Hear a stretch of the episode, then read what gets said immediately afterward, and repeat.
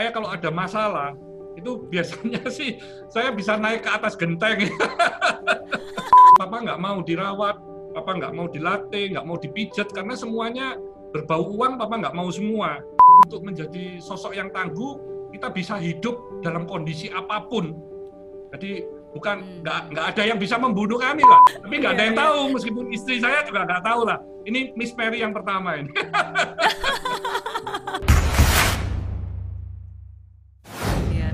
Bagaimana eh, cara Papa mengajarkan ketangguhan kepada anak-anaknya kepada Pak Hermanto dari sejak kecil? Jadi eh, papa itu waktu saya masih ingat ya, eh, papa itu waktu saya mas pertama kali di Avian, saya tanya visinya apa, itu dia papa kan ngomong "Ki- kita buat Avian ini pabrik cat yang terbesar di Indonesia. Saya lihat ini pagar aja nggak ada itu, gedungnya cuma gedungnya cuma satu. Saya ngomong, wow oke pak, lab aja nggak punya gitu ya. Terus papa juga pesan, kamu harus bisa hidup pola hidup itu sederhana. Hidup dengan uang berapapun kamu harus bisa hidup. Jadi eh, mau makan apa pun kamu bisa gitu. Jadi mau makan yang mahal sekali bisa, tapi makan mau makan yang rendah sekali juga nggak apa-apa. Yang penting kan bersih gitu.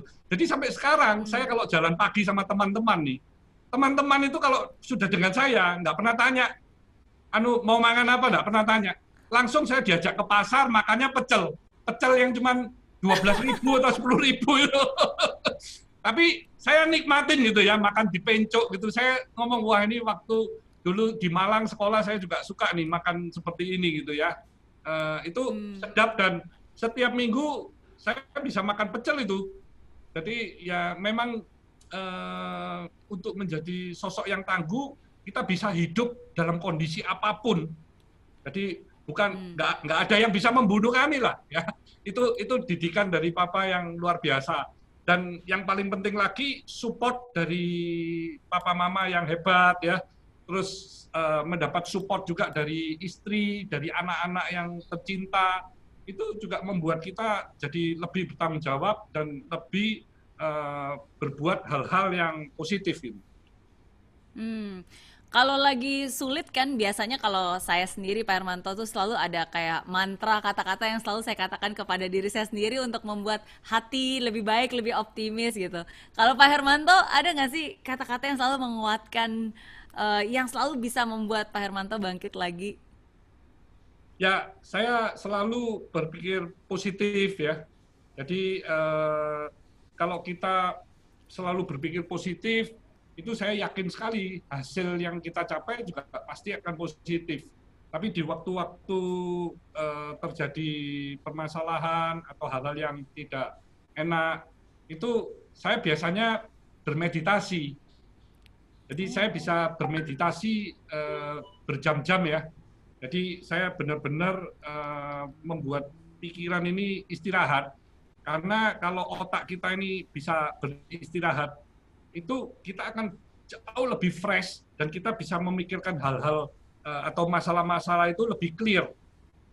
Ya. Hmm. Kalau waktu masih eh, muda, saya kalau ada masalah itu biasanya sih saya bisa naik ke atas genteng. saya bisa saya bisa berteriak, saya bisa ya nggak ada yang tahu kan. Jadi saya memang menyendiri dan eh, itu yang saya lakukan. Tapi sekarang sudah enggak lah, sudah berapa puluh tahun saya dan saya cuma Naik ke atas genteng terus ngapain Pak Hermanto? Teriak gitu atau ngapain di Wah, saya menangis, biasanya? saya, saya emosi saya, saya buang semua ke langit lah tujuan saya begitu. Tapi nggak ada Iya, yang iya. tahu, meskipun istri saya juga nggak tahu lah. Ini Miss Mary yang pertama ini.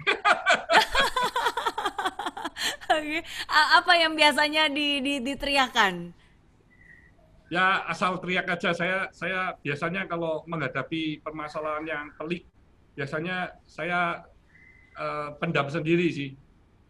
Hmm. Mhm. Apa doa yang selalu diucapkan di saat-saat saat-saat eh, sulit seperti itu? saya masih bersyukur. Jadi masih begitu banyak eh, eh, saudara-saudara, istri, teman, anak semuanya yang mendukung, yang mencintai saya, ya itu yang membuat kita akan jauh lebih kuat ya untuk menghadapi cobaan apa pun gitu ya. Hmm, ya, ya keluarga sih Pak Hermanto, betul. Ya.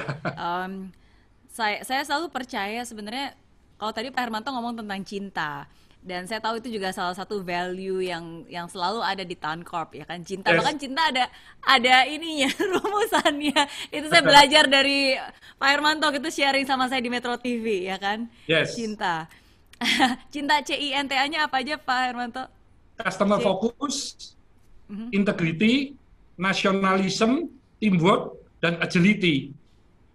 yes Nah, itu masing-masing kami berikan minus one sampai level 1, 2, 3, 4, 5 gitu. Jadi Hmm. memang eh, itu juga didapatkan dari pertemuan seluruh leader. Kami mencari apa nih? Kami punya value-value yang yang yang ada selama ini. Nah, itu ketemunya cinta itu. Makanya itu eh, saya suka sekali itu. Iya, betul. Dan kalau berbicara tentang cinta, saya sendiri selalu uh, percaya Pak Hermanto bahwa em, orang tua itu adalah alasan untuk anak selalu berjuang Ya, dan anak itu adalah alasan untuk orang tua selalu bertahan ya, di saat yang sulit apa pun juga orang kalau kita seorang anak itu pasti kita selalu bangkit lagi dan melakukan sesuatu ya ya demi siapa demi orang tua gitu dan kalau kita sebagai orang tua mau saat sulit apa pun ya kita bertahan ya juga ya demi anak kita saya yakin Pak Hermanto juga pasti em, sering mengalami hal tersebut ya Pak Hermanto ya. Betul Hmm. sekali. Ya, kita memang eh, harus mencintai orang tua yang membesarkan kita dengan hati yang murni ya, maksudnya tanpa imbalan apa-apa.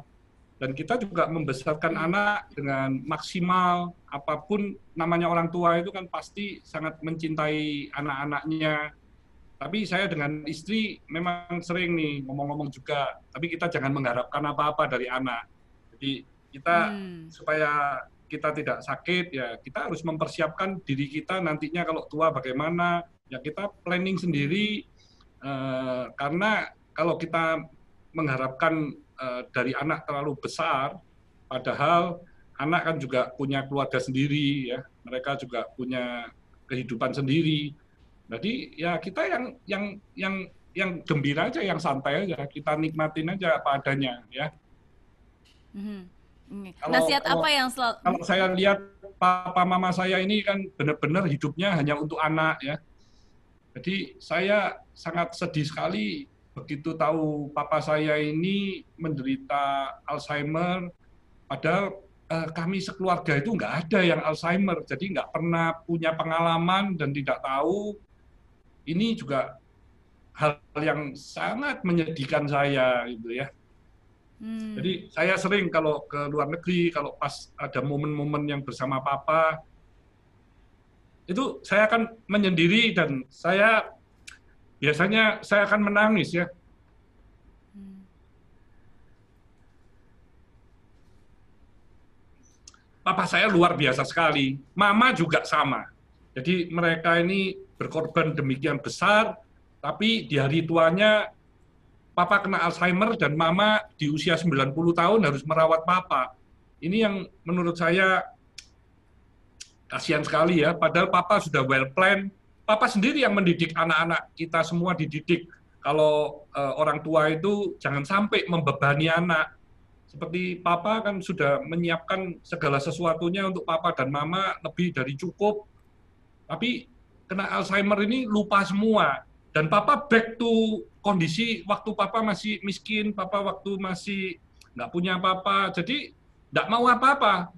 Kita panggilin waktu eh, dokter, kita panggil ini semuanya mahal dan papa nggak mau dirawat, papa nggak mau dilatih, nggak mau dipijat karena semuanya berbau uang, papa nggak mau semua.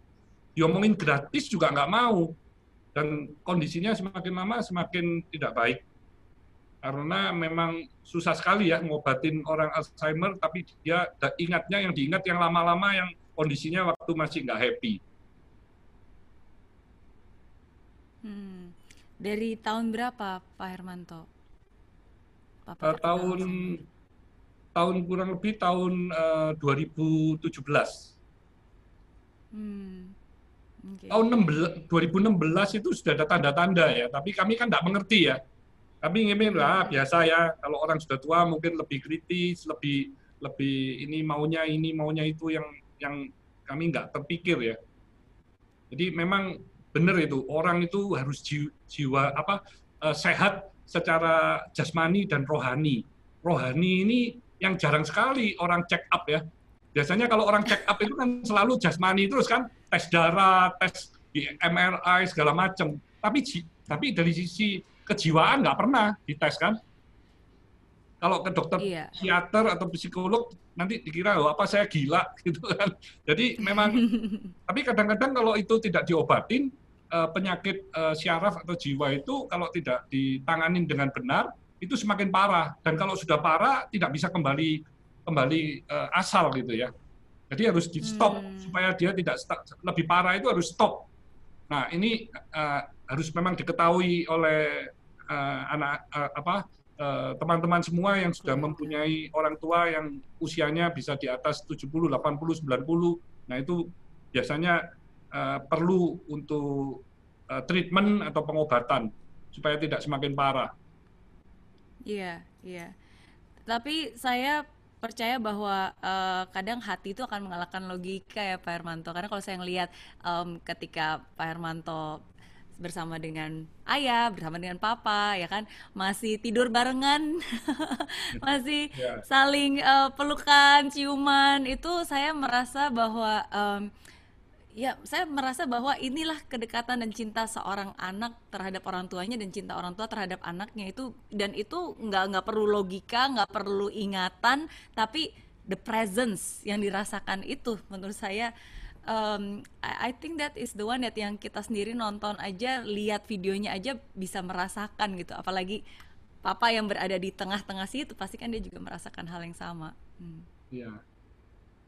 Jadi memang eh, quality eh, quality of time itu kami jalankan ya. Jadi memang dengan waktu yang tidak banyak, kami dengan keluarga itu biasanya dekat sekali dan itu memang kami lakukan sehari-harinya gitu. Jadi ketemu papa ya Hmm. ya memang begitu, biasa gitu ya.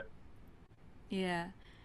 Apa yang selalu Pak Hermanto ucapkan ke Papa kalau setiap kali ketemu atau setiap hari telepon-teleponan ketemu setiap Ya, minggu pasti makan bareng ketemu bareng ya eh, kalau kalau saat ini sih kena karena pandemi ya. Jadi memang eh, papa kan juga di Singapura dengan mama kan eh, cukup lama ya.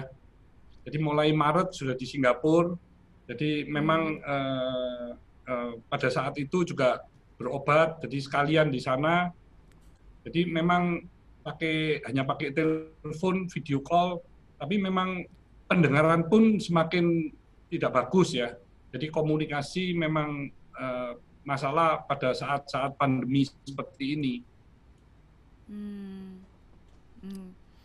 Ya, yeah, but we have to treasure every moment ya kan Pak Hermanto Ya, yes.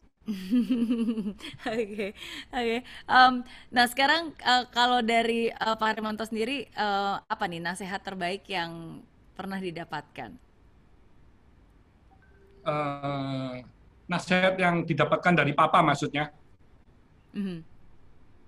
Kalau Iya. papa selalu berpesan yang paling utama ya jagalah reputasi kita ya. Karena dengan reputasi yang baik eh, kita bisa menjadi sosok eh, pengusaha yang bisa dipercaya. Itu peluang itu akan datang dengan sendirinya dan tanpa batas gitu ya. Dan itu saya sudah Hmm. membuktikannya ya. Jadi di masa-masa eh, tiga tahun belakangan ini saya kan sebagai equity investor, saya banyak masuk di perusahaan-perusahaan dan perusahaan yang bagus-bagus itu setelah ketemu dengan eh, saya dan juga dengan seluruh tim itu eh, sangat enak gitu ya kalau bicara, kalau ngomong masa depan ya, yang yang secara karakter, yang secara kami bisa mensupport agar perusahaan tersebut bisa growth eh, double digit, 50% bahkan double-double, nah itu kami akan masuk karena Hmm. eh, perusahaan tersebut kan akan jauh lebih sehat dan tetap akan kami arahkan untuk bisa menjadi nomor satu di bidangnya. Hmm. Jadi memang uh, pesan dari Papa ini uh, penting sekali ya reputasi, integriti ini number one ya. Ya, ya, karena itu sesuatu yang nggak bisa dibeli, sesuatu yang bukan instan, sesuatu yang hanya teruji bukan di saat semuanya gampang-gampang deal oke-oke profit aja ya, tapi kan ya, teruji betul. di saat ada susah, di saat ada pilihan ya kan. Ya. Dan kalau yeah. mau teruji dari sisi history di krisis apa pun, Avian dan semua grup ini tidak pernah bermasalah. Karena kami memang tidak greedy, kami minjemnya juga kalau ada perlu pinjaman ya juga kami pinjemnya pinjam rupiah. Karena hmm. uh, itu yang tidak berisiko meskipun bunganya lebih tinggi dibandingkan US dollar ya. Yeah. Tapi itu yeah. adalah integriti menurut kami karena kami akhirnya tidak pernah menyalahin pihak bank, pihak-pihak supplier segalanya. Bahkan waktu krisis iya. pun kami dipercaya oleh supplier-supplier luar negeri, mereka mengirimkan barang langsung ke kami, baru kami transfer. Jadi tidak melalui bank. Bank aja nggak dipercaya itu waktu krisis oh, kan. Iya, LC-LC nggak iya. dipercaya. Jadi eh, semua supplier itu langsung ke kami. Sehingga Avian iya, iya, pada saat krisis itu bertumbuhnya semakin pesat karena pesaingnya kan banyak yang bermasalah. Iya, betul. Dan bukan hanya Avian, sekarang Cleo juga sahamnya naik naik naik. Miss Mary sudah amin. invest belum? amin amin. Waduh, saya saya harus belajar belajar lebih banyak yeah. nih tentang investment. Tapi kalau ownernya seperti Pak Hermanto mah pasti pasti selalu akan grow and grow and grow, benar nggak? Ya, Miss Mary Betul. lihat itu Warren Buffett ya, dia dia kan di usia 36 kekayaannya 8 juta, waktu 56 kekayaannya 1.400 juta atau 1,4 billion US dollar, itu kenaikannya 175 kali dalam 20 tahun. Nah itu cuma invest saham saja. Dan dia invest-invest saham uh, di perusahaan-perusahaan yang memang growth-nya bagus, secara konsisten.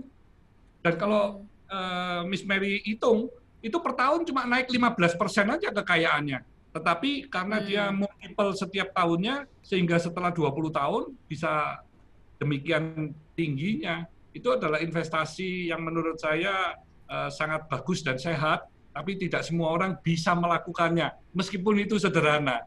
Jadi Loke, Bapak Bapak Lokeng Hong kan ini Warren Buffett-nya Indonesia, kalau ketemu sama saya, dia sering WA juga dengan saya dia kan selalu ngomong, udah orang-orang Indonesia ini susah juga. Kalau invest saham-saham yang bagus, udah, you tinggal tidur aja. Nah, itu maknanya mestinya mendalam. Maksudnya kalau you tidak tinggal tidur, you liatin terus, itu kan akhirnya jadi trader. Kalau jadi trader, oh. akhirnya jual beli. Begitu jual beli, yang uh, untung 2-30% diambil, yang rugi disimpan, di average, lama-lama rugi lah. Nah, itu istilahnya hmm. main saham itu di Indonesia. Jadi saya uh, setuju sekali kalau sudah beli perusahaan yang bagus, ditinggal tidur aja itu naik sendiri dan bekerja sendiri. Yes, dan paling tinggal bisa collect dividen juga kan, karena along the way bukan berarti profitnya masih 20 tahunan lagi, tapi kan along the way didapat dividen juga. Ya, dividen untuk perusahaan kalau yang memang sudah besar sekali dan uh, keuntungannya uh, sudah bisa menutup dari investasi ya. Jadi kalau hmm. memang perusahaan sudah besar sekali dan sudah bisa bagi dividen, itu biasanya growth-nya sudah sudah single digit. Jadi nggak bisa double digit. Jadi semua itu okay. semua itu ada tergantung ada, plus minusnya ya. ya. Semua betul, ada plus minusnya, tergantung. Makanya investasinya mau yang mana. Karena saya selalu kalau mimpi itu mau yang besar. Saya nggak mau mimpi itu kecil. Jadi jangan sampai berhutang. Kawin sampai berhutang ini kan celaka gitu.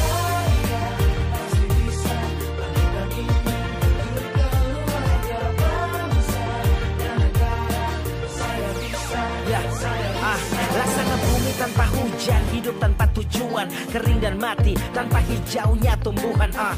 Demikian kalau mimpi tak kunjung terjadi